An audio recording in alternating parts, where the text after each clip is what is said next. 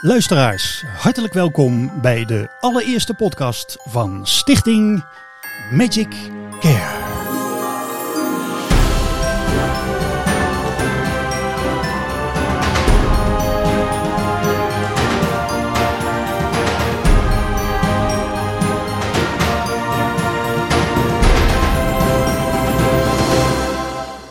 Ja, en te gast is niemand minder dan professor, ridder en secretaris van Stichting Magic Care, Wim van Dokkum. Wim, hartelijk welkom. Dankjewel. zeg, uh, je hebt de primeur om als uh, eerste geïnterviewd te worden voor onze podcast. Hoe voelt dat? Het is mij een eer genoegen, Wil. ja, wij kennen elkaar al een, uh, een tijdje, Wim, dus we mogen ja. je zeggen tegen elkaar. En uh, we gaan straks uiteraard uh, meer praten over Stichting Magic Care. Waar allemaal uh, mensen met, die jong van geest zijn vrijwilligerswerk doen. Ehm, over ja, jong van geest, eigenlijk maar mee te beginnen Wim. je bent de ene oudste jongere van, van Magic Care.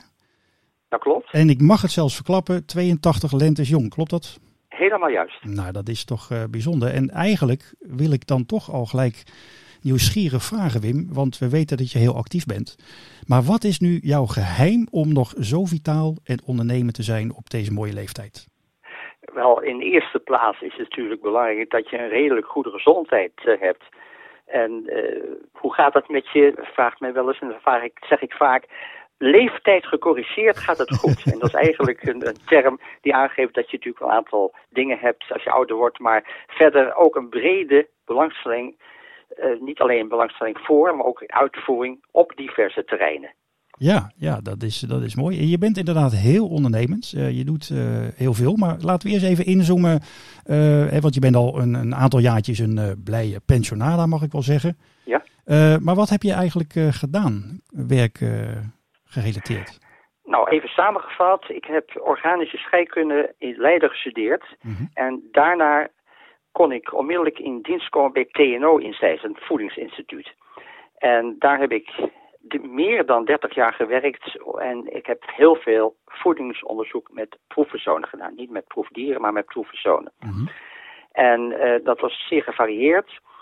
En daar ook gepromoveerd via TNO aan de Universiteit van Amsterdam. Het is wel grappig om misschien te melden dat uh, je hebt bij promotie vaak met het proefschrift een lijst met stellingen. En dan is de laatste stelling meestal een ludieke stelling. En, die uh, uh, met goochelen te maken had. En die heb ik toen ook geschreven. En die is heel simpel samen te vatten als... het is eenvoudiger te goochelen voor een groep hoogleraren... dan voor een groep kinderen. Dat is ook ervaring. Ah, kijk aan, dat is, uh, dat is een heel mooie. En toen in 1992 was dat, toen vond men dat mijn verhalen over voeding en gezondheid toch wel in de moeite waard waren. En toen ben ik tot gasthoogleraar benoemd aan de Universiteit van Sao Paulo. En daar ben ik eigenlijk gedurende 16 jaar, vrijwel elk jaar, gedurende drie à vier weken geweest. Niet alleen in Sao Paulo, maar ook aan diverse andere universiteiten als gasthoogleraar om aan het onderwijs bij te dragen. Dus heel veel colleges gegeven en aan de universiteiten ook uh, diverse congressen meegemaakt waar ik dan mijn voordrachten hield. Ja, je bent dus uh, professor in de voedingsleer, mag ik het zo zeggen? Ja, ja, ja, dat ja. kan je zo wel zeggen, ja. En, uh, en Brazilië is een beetje dan jouw, jouw tweede thuis, als het ja, ware? zeker, zeker. En ja, ga je daar ja, nog wel eens naartoe, Wim? Ondanks even nee, de... dat is, dat is, nee, ze hadden pad ook geen geld meer. en ik ben er veel geweest en het was ook wel na een aantal jaren de moeite waard om uh, Portugees te leren. Hè. In Brazilië mm -hmm. spreken ze Portugees. En dat Braziliaanse Portugees is veel aantrekkelijker, veel muzikaler zeg ik vaak, dan dat Portugees wat ze in, in Portugal spreken. Dus ik had privéles in Zeist en dat is op zichzelf natuurlijk heel veel uh, leuker dan dat je uh, alleen maar in het Engels dat doet. En ik heb ook zelfs colleges in het Portugees gegeven. Ja, dat is, dat is maar mooi. ook een combinatie met goochelen Ja. dat ik ook regelmatig gevraagd werd door mijn collega's daar om op een, wat ik dan noem, armenschooltje, uh, goochelvoorstellingen te geven. En dat waren dan vaak schooltjes die van zijn levensdagen nooit een goochelaar hadden gezien. Dus dat was ontzettend leuk. En daar was het ook het Portugees, uh, wat dan natuurlijk de klok sloeg, want die kinderen spraken alleen maar Portugees. En dat, uh, maar goed, goochelen is vooral visueel, dus daar kon je heel veel mee uit de voeten komen. Maar, dus dat heb ik gecombineerd. Ja, geweldig. En, en eh, dat goochelen gaan we straks inderdaad nog even over verder, Wim. Uh, Nou zeg je net inderdaad uh, het Braziliaans, hè, de Braziliaanse talen zit net wat meer muziek in. Ja. daar kunnen we ons allemaal wel iets bij voorstellen, denk ik. En over ja, muziek gesproken, je combineert wetenschap, muziek en goochelen op een prachtige en originele manier. En dat heeft een beetje ook te maken waarom jij ooit ja, ridder zonder paard bent geworden, oftewel geridderd bent, hè? ja, ja, ja, precies. Ja. ja, die wetenschappelijke activiteiten en de manier waarop, dat is uh, inderdaad een interessant onderwerp. Nou, dat is zo gekomen. Ik werd een paar ogenblik gevraagd om in Sao Paulo op een groot internationaal congres van, van 500 personen een verhaal te houden over voedingsvezel. Voedingsvezel, eh, wat in, wat in alle mogelijke voedingsmiddelen zit en wat goed is voor je darm onder andere. Mhm. Nou, toen dacht ik, laat ik nu eens een voedingsvezellied uh, schrijven en dat opnemen met uh, mijn orkest. Ik, zit in de Dixie Daddies, dat is een, een yeah. jazzband. we hebben de mogelijkheid om opname te maken. En toen heb ik een Dietary Fiber lied gecomponeerd. Ja. Nou, en dat was voor het eerst dat ik dat deed. En ik dacht, nou, dat doe ik in Brazilië. En dat heb ik gebaseerd op een melodie die in Brazilië bekend was. En die kent, uh, kent iedereen, denk ik. The Girl from Ipanema. Ja, zeker, zeker. En daar heb ik dus een Engelse tekst op geschreven. Die heb ik tijdens, of na mijn verhaal, aan het eind van mijn verhaal, afgedraaid. En dan moet je je voorstellen, zo'n zaal zit helemaal vol met 500 mensen twee grote schermen, waar dan uiteindelijk mijn plaatje, maar ook de tekst van mijn Dietary Fiber song op stond. En tot mijn grote verbazing, toen ik dat afdraaide, met de tekst dus op het scherm, werd het lied uh, door iedereen meegezongen. Nou, dat was volgens mij al uniek. maar het werd nog gekker, Wil. Uh, de eerste vier rijden, rijen van het congres gingen opstaan en gingen op die muziek dansen. Nou, dat is op een groot internationaal congres. Ik had het nog nooit meegemaakt, maar het was wel een hele aparte ervaring, moet ik zeggen. dat kan heel nou, en dat is eigenlijk de start geweest dat ik op verschillende terreinen heb ik wat ik dan noem wetenschappelijke liederen gemaakt. Uh Een lied over lactobacillus, een lied over uh, genetische modificaties en, en andere. En dat heb ik dan altijd bij me omdat aan het eind van mijn verhaal, is een soort ludieke samenvatting en ook een beetje om te relativeren, dat dan af te draaien. Ja, dat is heel bijzonder, Wim. We gaan zo En dat ook, wordt uh, uiteraard uh, door iedereen erg uh, gewaardeerd. goed gewaardeerd. ja.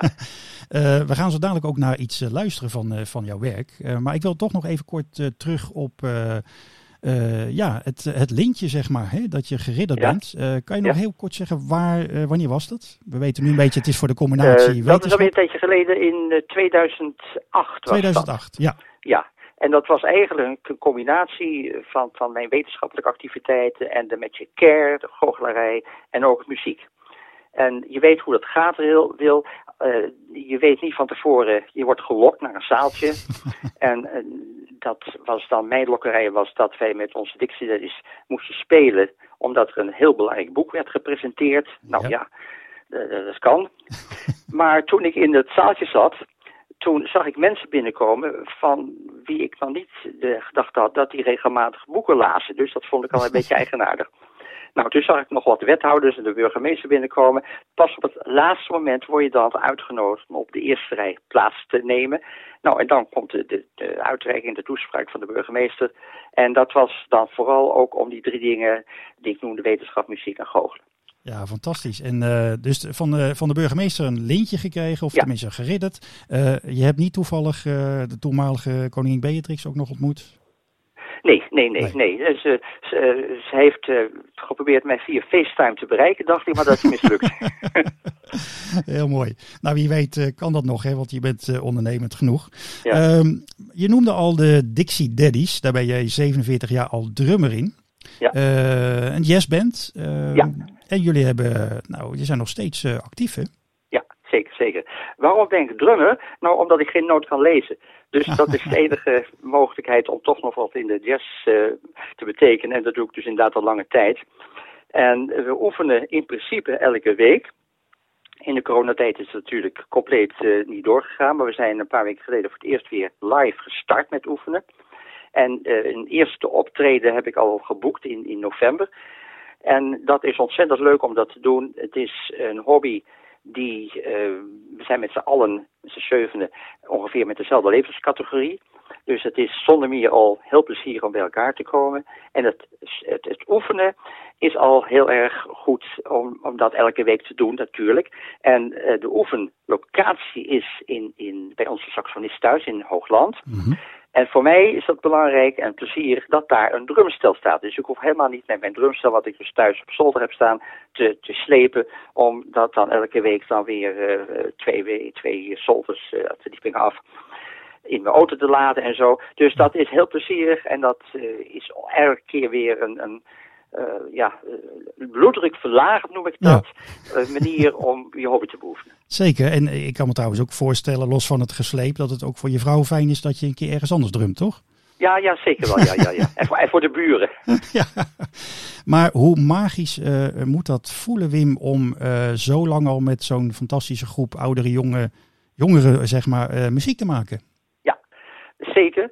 En dat is vooral te merken uh, dat heb ik ook als ik naar concerten ga. Dan let ik op de, de lichaamstaal van bijvoorbeeld de dirigent of zo. Mm -hmm. En dat is in onze categorie, de jazzmuziek, ook plezierig. Voorbeeld te noemen, zelfs tijdens onze optredens en met een nummer wat te spelen, dan hoeft mijn bassist die naast mij zit, mij even aan te kijken en ik weet precies wat hij van mij wil. Hoe ik ja, moet slaan en ja. wat voor accent ik moet doen. En dat is gewoon body language. Dat is elkaar goed kennen muzikaal en dat je dus op die manier goed op elkaar ingespeeld bent. Ja, dat is mooi. Zeker als je zoveel jaren natuurlijk al ja. uh, samenwerkt, dan, uh, dan krijg je dat ook, hè? Die, ja, die magi magische uh, ja, verbinding met elkaar. Ja, precies. Nou, misschien is het leuk om, want jullie hebben zelfs cd's opgenomen. Ja.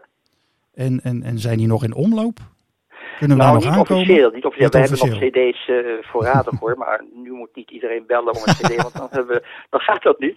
Maar dat is uh, een cd die we dus hebben opgenomen ook in de studio waar we oefenen. De, de saxofonist van ons die heeft dus mogelijkheden om professionele opnamen te maken. Mm -hmm. En daar hebben we dan een aantal jaar geleden uh, inderdaad een cd laten verschijnen. Wat leuk zeg. Ja, Wim, misschien is het aardig om even naar een, uh, een stukje te luisteren. We hebben even een minuutje uh, eruit gehaald waar uh, met name jouw drumpartij wat beter ja. naar voren komt en te beluisteren is.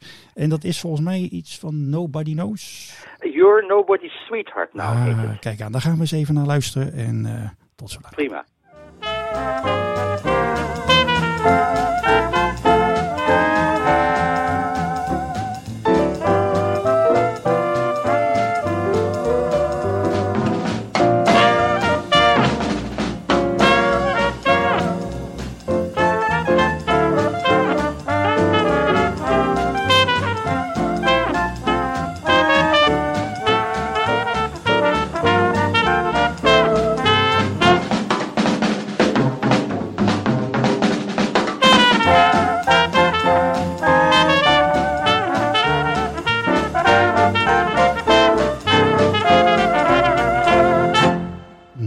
Ik moet zeggen, dat is toch een aardig rieteltje wat je daar speelt.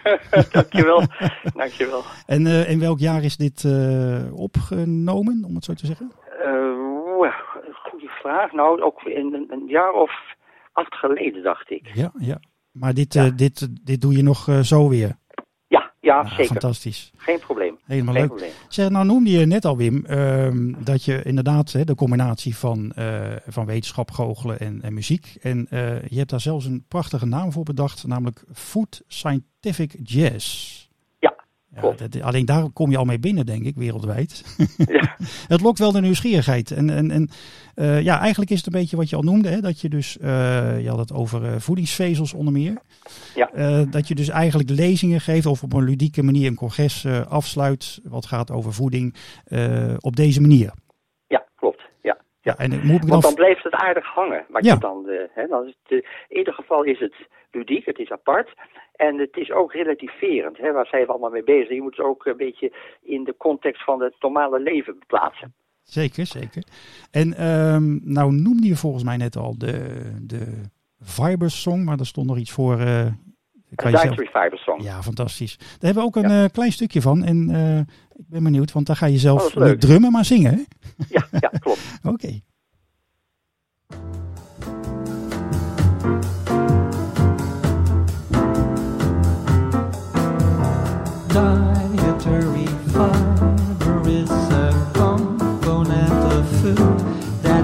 white elephant for hands of everybody.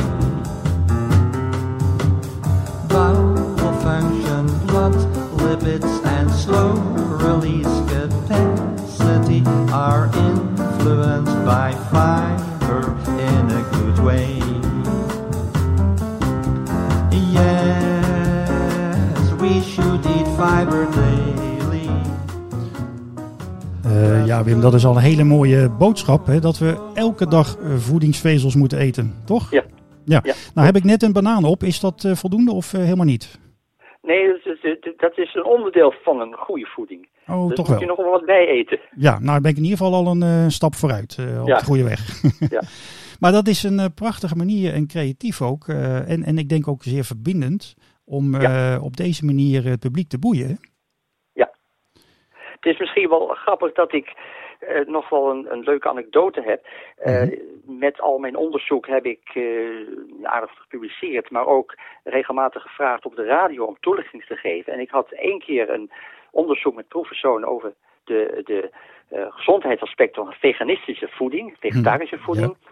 En toen werd ik gevraagd door het programma, bekende programma Met het oog op morgen. Oh ja, ja. En daar moest ik naar, naar Hilversum toe en elke keer is dan een andere presentatrice.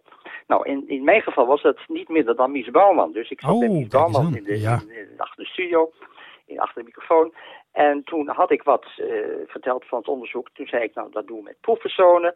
En uh, dan moeten we een voeding geven en dan gaan we meten in bloed en we gaan ook ontlasting verzamelen. En toen kwam het onderwerp, hoe doe je dat dan? Nou, ontlasting verzamelen, dat doen we dan, deden we dan met diepvriestoiletten. Een toilet wat op de kamer van de proefpersonen, want ze hadden allemaal een eenpersoonskamers bij ons, bij TNO, gestald was.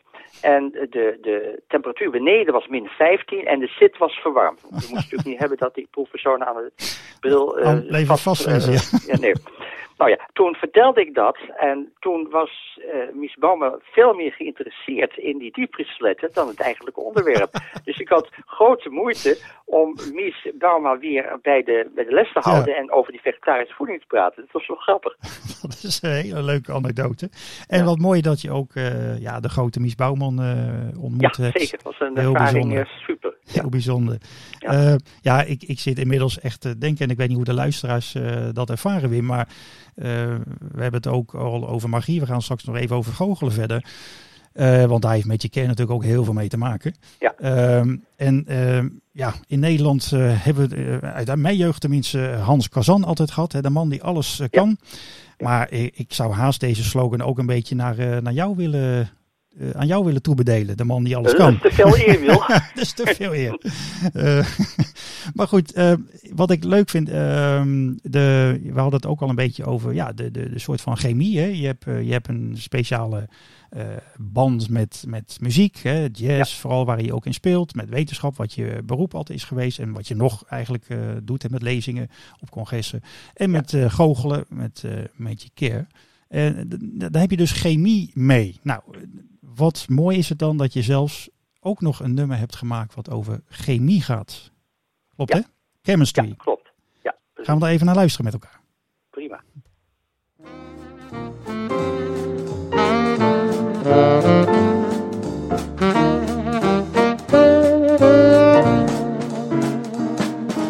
Chemistry, it's pure reality.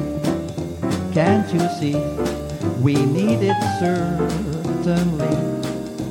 Chemistry, yes, take it seriously.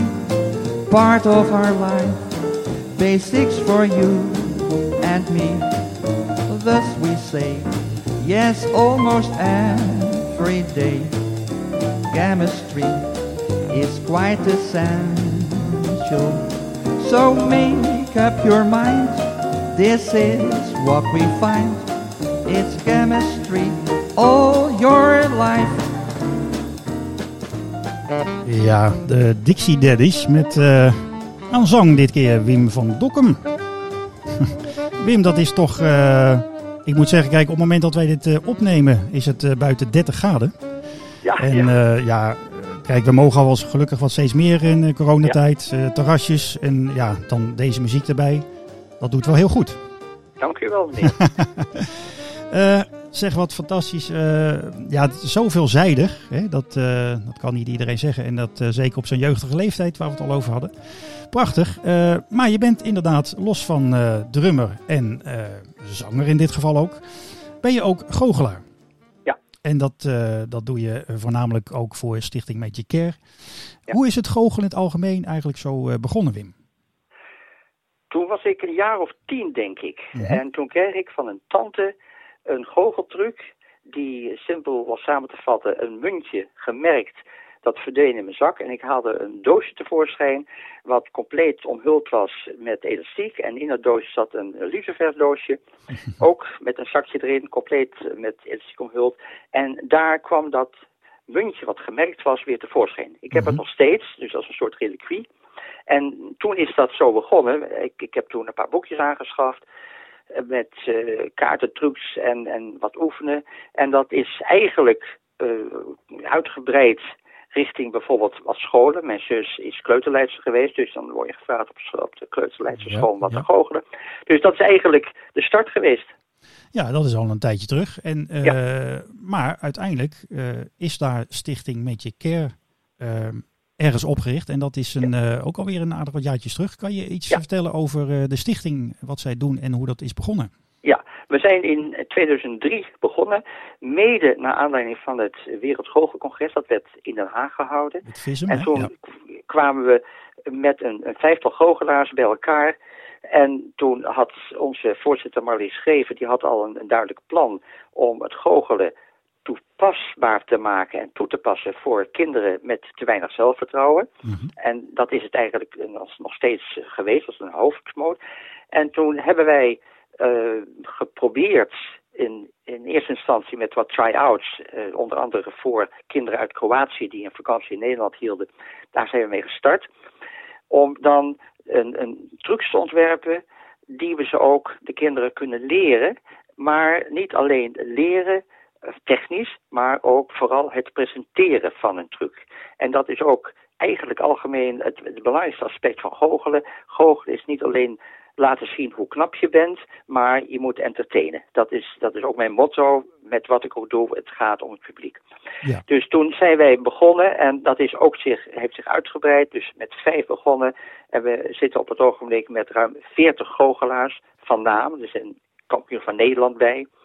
Uh, Hans Klok is bijvoorbeeld onze ambassadeur en Hans Kazan kent ons goed. Ja. Dus het is uh, qua uitvoering is dat zeer professioneel geworden.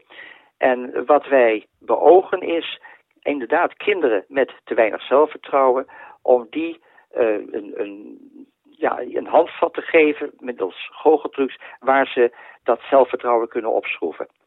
En we werken voor groepen kinderen.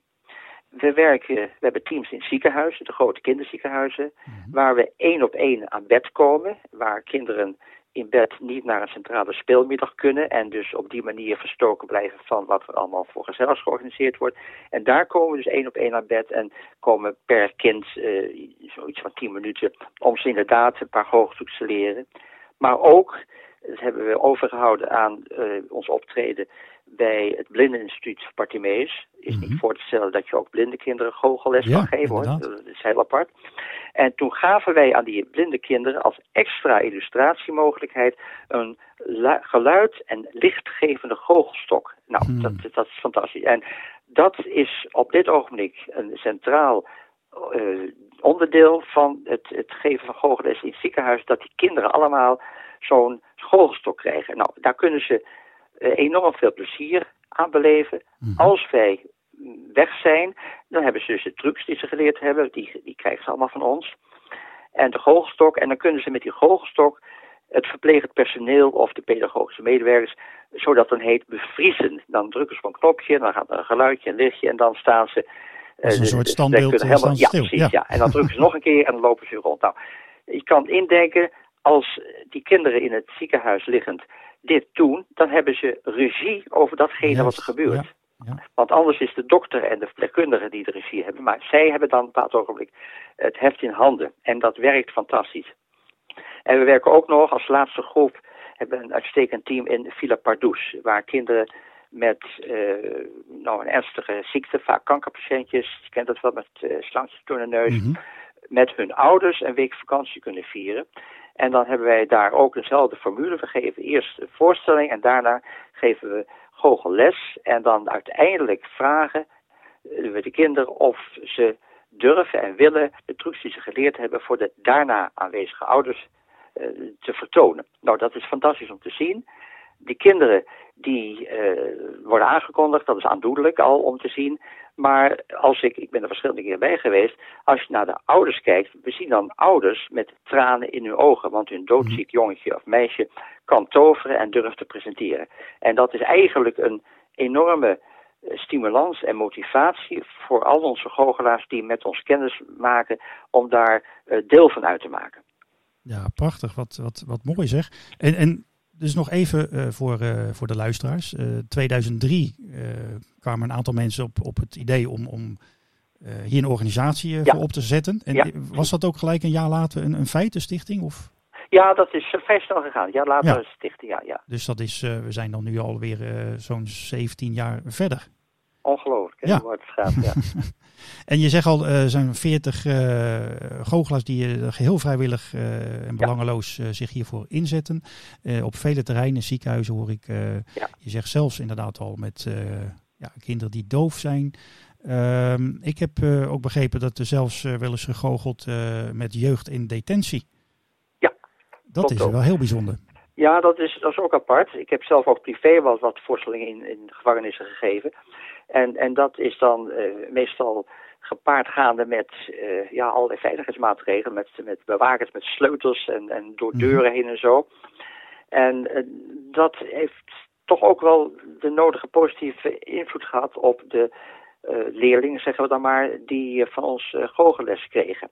Ja. ik weet nog één ding van, van mijn eigen optreden, dat de, de, ouderen, ik heb ook voor ouderen in, in, in, in gevangenis gegoocheld, dat die enorm onder de indruk waren. Niet alleen, maar ook uh, met een positieve blijdschap uh, weer naar hun cel. Dat klinkt gek gingen. Mm-hmm. En we hebben ook voor uh, jeugdige delinquenten meisjes gegoocheld. En dat was ook frappant. toen wij na afloop weer eventjes de zaak evalueerden bij de leiding toen zei de leider van deze detentie, dat in Zeist, meneer Van Dokkum, dat meisje wat in uw groep zat, dat is 14, die is 14 jaar en deed alles leuk mee, maar vergeet niet, is 14 jaar, heeft al drie moorden gepleegd. Dus dat, dat, ja, dat was een ervaring. Je zegt, nou, tijdens dat voorstellen en, en, en het leren trucs, dat merk je dan niet, dan deed ze gewoon goed mee. Maar dan zie je wat voor uh, soorten uh, kinderen je dan uh, meemaakt. Ja, dat is ja, best wel bizar inderdaad. En dat, dat, ja. moet ook, dat is niet zomaar goochelen. voor zover je kan zeggen, zomaar goochelen bestaat sowieso misschien nog niet. Maar um, ja, als ik dan uh, nog even terugkijk. Hè, je noemde al Wim, de, het doel van Stichting Magic Care is inderdaad om goochelen te gebruiken als middel om het zelfvertrouwen van kwetsbare kinderen te vergroten. Ja. Uh, wat, wat voor methodiek gebruikt de stichting uh, daarvoor? Ja, het is dus technisch leren. Eenvoudige goocheltrucs, hè, die -hmm. krijgen allemaal van ons, die worden voorgedaan, die worden geoefend. Maar het is veel meer dan dat. Het is uh, ook een, wat ik zeg, een educatief programma om ze te leren presenteren. Uh, we hebben dan vaak het, het, het, systeem dat we een paar trucs door hen in, in een klein groepje laten oefenen. En vaak ook met z'n tweeën. En dan krijgen de kinderen die dat durven en willen de mogelijkheid, de meesten zeggen ja, om de geleerde truc voor de hele groep nog te oefenen. En dan is bij dat tweetal één van de kinderen degene die dat andere kind aankondigt als een soort presentator. Dames en heren, we krijgen nu een goochelaar, beroemd uh, uit de hele wereld en zo. Wordt zo'n jongetje of een meisje aangekondigd. En dan doet zo'n jongetje meisje de truc voor de groep. En dan nou ja, dan vragen wij aan de kinderen om rechtstreeks naar degene die die truc gedaan hebben en naar degene die de, voorstelling, de, de, de, presentatie heeft gedaan. hoe vonden jullie dat hij of zij het deed? En dan moeten ze rechtstreeks de kinderen dan uh, degene die dat gedaan hebben aanspreken om te zeggen, nou meestal is het goed en dan vragen we wat, wat was dan goed? nou dan is dat de opkomst of de, stemgebruik en zo. Hè. Het is veel meer dan alleen maar een trucje leren. En dan proberen we dan ook, dat zijn dan complimentjes die ze krijgen, ook die complimentjes te beantwoorden door het, het jongetje of meisje wat de truc gedaan heeft, door die dankjewel te zeggen, leren we ze complimentjes te geven en te ontvangen. Dus het is veel meer dan alleen maar een goocheltruc. Ja, precies. Dus het, uh, het gaat dus eigenlijk uh, voornamelijk om een uh, positieve terugkoppeling. Ja. En um, ja, ook benoemen wat, wat wel goed gaat voornamelijk. Hè? Daar het half, halfvolle glas, zullen we maar zeggen. Ja, precies. En dan is het leuk als wij dan wat tips geven over het uh, presenteren. Kinderen die dan spreekbeurt op school moeten houden. En die tips kunnen ze dan gebruiken. Hoe sta je en, en dat soort dingen meer. Mhm. En dan van de leiding te horen een aantal weken daarna, want we hebben dus contact met de leiding, uh, dat die spreekbeurt heel goed gegaan was. Nou, dat is eigenlijk een soort salaris wat we dan kunnen zeggen, wat we uh, erg waarderen. Dat je dan op die manier dus met goochelen toch nog wat kan bereiken voor kinderen die toch wat moeilijkheden hebben in het leven. En die dus door middel van goochelen uh, voor anderen wat kunnen betekenen. Ja, want ik heb uh, ook begrepen, Wim, dat, uh, dat er een tegeltjeswijsheid binnen Met Je Care actief is die van jou komt. Namelijk de glimlach van het kind is onze beloning. Dat is ons salaris, hè, als het ware. Precies, ja, want klopt, we doen het allemaal vrijwillig. Ja, precies. Dat, is, is, zo. Ja, ja. ja, nou is het ook nog eens een keer zo dat... want wat kan je eigenlijk een aantal organisaties opnoemen waar Met Je Care zo mee samenwerkt? Ja, dit is, we hebben een paar hoofdklanten. Eén daarvan is eh, de stichting Plane voor Succes, Playing voor Succes. Mhm. Dat is een, een, stichting die gelieerd is aan een aantal eredivisie voetbalclubs. Mhm. En onder andere ADO Den Haag, daar komen we al heel veel jaren. En uh, daar is het elke keer weer fantastisch waar we dan komen. Onder andere in het Circus Theater in Scheveningen, waar ze dan een mogelijkheid hebben om een deel van het programma te laten uh, voltooien. Want dat is een stichting die twaalf weken lang een vijftigtal kinderen uit achterstandswijken, in, in dit geval Den Haag, onder hun hoede krijgen met één uh, middag per week komen ze daar dan, of in het Aderstadion of in het Circustheater. En dan hebben we hetzelfde programma, we geven een voorstelling, we leren ze trucs en we leren ze presenteren. En dan is het zonder meer al heel erg leuk als de zaal van het Circustheater vrij is, dat we dus trucs zonder publiek in de zaal dan op het podium laten uh, vertonen, om eens een idee te hebben hoe dat is om dan voor een zaal te staan. Ja, en dat is dus play voor succes. Maar uh, nogmaals, we hebben ook uh, andere groepen waar we voor werken. Uh, die met patiëntenverenigingen hebben wij contact om ook te kijken of wij ook voor die patiëntjes, die kindertjes dan ook nog het nodige kunnen betekenen. En dat, dat breidt zich uit op het ogenblik. Dus het zijn groepen kinderen uh, individuele kinderen in het ziekenhuis en de Villa Pardoes is een andere categorie. Ja, nou en we gaan uh, zeker uh, in de komende podcast een, een aantal van, van die samenwerkingspartners ook uitnodigen. Dus luisteraars, blijf dat ook zeker volgen. Wim, Magic Care is, ja, ik kan je wel zeggen, door heel Nederland actief, maar soms ja. ook over de grens, begrijp ik. Precies. het, het grappige is dat met de corona uh, van vorig jaar en nog, nog steeds, hebben we een aantal technieken ontwikkeld uh, om digitaal de kinderen te bereiken. Dat, dat werkt op ogenblik heel goed. We hebben zo'n twaalftal uh, goochelaars al die een complete studio hebben, die dus op afstand vanuit hun eigen huis contact zoekend met de instelling waar we voor goochelen, onder andere ziekenhuizen, voorstelling geven. En dat internationaal, dat heeft ook geleid dat een van onze goochelaars, die heeft vrij recent op die afstand met een gezin in Engeland een, een voorstelling gedraaid, zo noemen we dat dan, ja. waarbij we dus via beeldcontacten uh, uh, de, de voorstelling gaven, de, de goochelaars thuis met de trucs. En de kinderen die krijgen dan van ons van tevoren, de ouders dan al een doosje waar de goocheltrucs zitten. Dus op afstand hebben we zelfs in Engeland gegoocheld. En verder is onze penningmeester Igor de Gort al jarenlang zeer actief in Brazilië ook. Daar heb ik hem ook uh, een paar keer ontmoet, hebben mhm. samen voorstellingen gegeven. En daar is hij uh, vele malen uh, als, als acrobaat, als, als goochelaar, als, als maker van circusvoorstellingen actief geweest. En dat was ook heel boeiend dat we samen met een, een student van hem, een jongen, een, een, optreden in het zuiden van Brazilië hebben verzorgd voor een groep kinderen op school. En dus internationaal zijn er ook duidelijk contacten. Ja, hartstikke mooi. En je noemde al uh, een, een, een, ja, een online show uh, met kinderen in Engeland. Uh, maar inderdaad, in deze coronatijd heeft Magic Care ook Zoom-shows gegeven. Om, om zo ook kinderen die inderdaad in de ziekenhuizen liggen en die niet door corona bezocht mochten worden, om toch die te bereiken. Ja. En dat is dan ter plekke.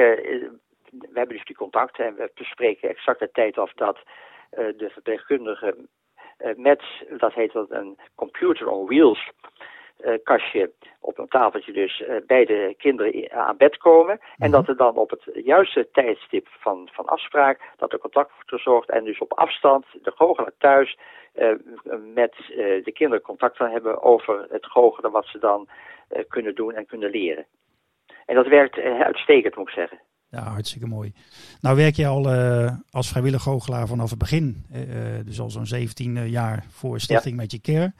Wat, wat, is, wat maakt het voor jou zo bijzonder, dit vrijwilligerswerk? Nou, eigenlijk, dat geldt voor de meeste collega-goochelaars bij Magic Care. De, de uh, impact, impact wat goochelen kan hebben op kinderen met te weinig zelfvertrouwen of met zieke kinderen. Mm -hmm. Dat dat, die, wat ik al noemde, lach op het gezicht van de kinderen, dat is gewoon als duidelijk uh, functioneel en duidelijk uh, iets waar we allemaal enorm van genieten om te zien hoe je dan dat goochelen, wat we allemaal ook privé doen, ook nog uh, kunnen toepassen voor kinderen die het wat moeilijk hebben. Ja. En dat geldt in mijn geval algemeen met die andere hobby's die ik heb, is een van mijn motto's, is eigenlijk voor alle drie de dingen dat het publiek eerste prioriteit heeft dus wat ik ook doe, dat staat allemaal niet om te laten zien hoe goed ik ben. Ik ben helemaal geen goede drummer, maar ik probeer het dan toe te passen, zodanig dat de, de luisteraars of de kijkers een, een half uurtje, een uurtje of een avond een, hele gezellige uh, tijd beleven. Hè. Dus mhm. publiek is eerste prioriteit. Ja, dat is uh, eigenlijk ook inderdaad een beetje wat wij uh, willen de gasten in onze podcast uh, ook vragen naar een soort tegeltjeswijsheid. Hè? En ja. als ik nou vraag aan jou, wat is nou jouw levensmotto? Dan wel, wat is voor jou echte magie? de interactie met het publiek. Dat vind ik eigenlijk het belangrijkste. Ja. Maar dat is dus tweeledig. Het is dus twee kanten op als ik uh, gewoon trucs doe en ik heb geen respons, dan is dat voor mij niet aantrekkelijk genoeg. Dus de interactie met het publiek is voor mij een heel belangrijke factor. Hartstikke mooi. Wim, hartelijk dank uh, voor dit uh, inspirerende interview. En ook blijf vooral al deze mooie activiteiten lang voortzetten met muziek, magie, wetenschap. En blijf nog even in de studio, zou ik zeggen. Hartelijk dank. En luisteraars, dit was de eerste podcast van Magic Care. Jawel, luisteraars, dit was hem dan, de eerste podcast van Stichting Magic Care. De gast was niemand minder dan Wim van Dokkum, professor voedingsleer, ridder en goochelaar en secretaris bij Magic Care. Graag tot de volgende podcast. Dank u wel.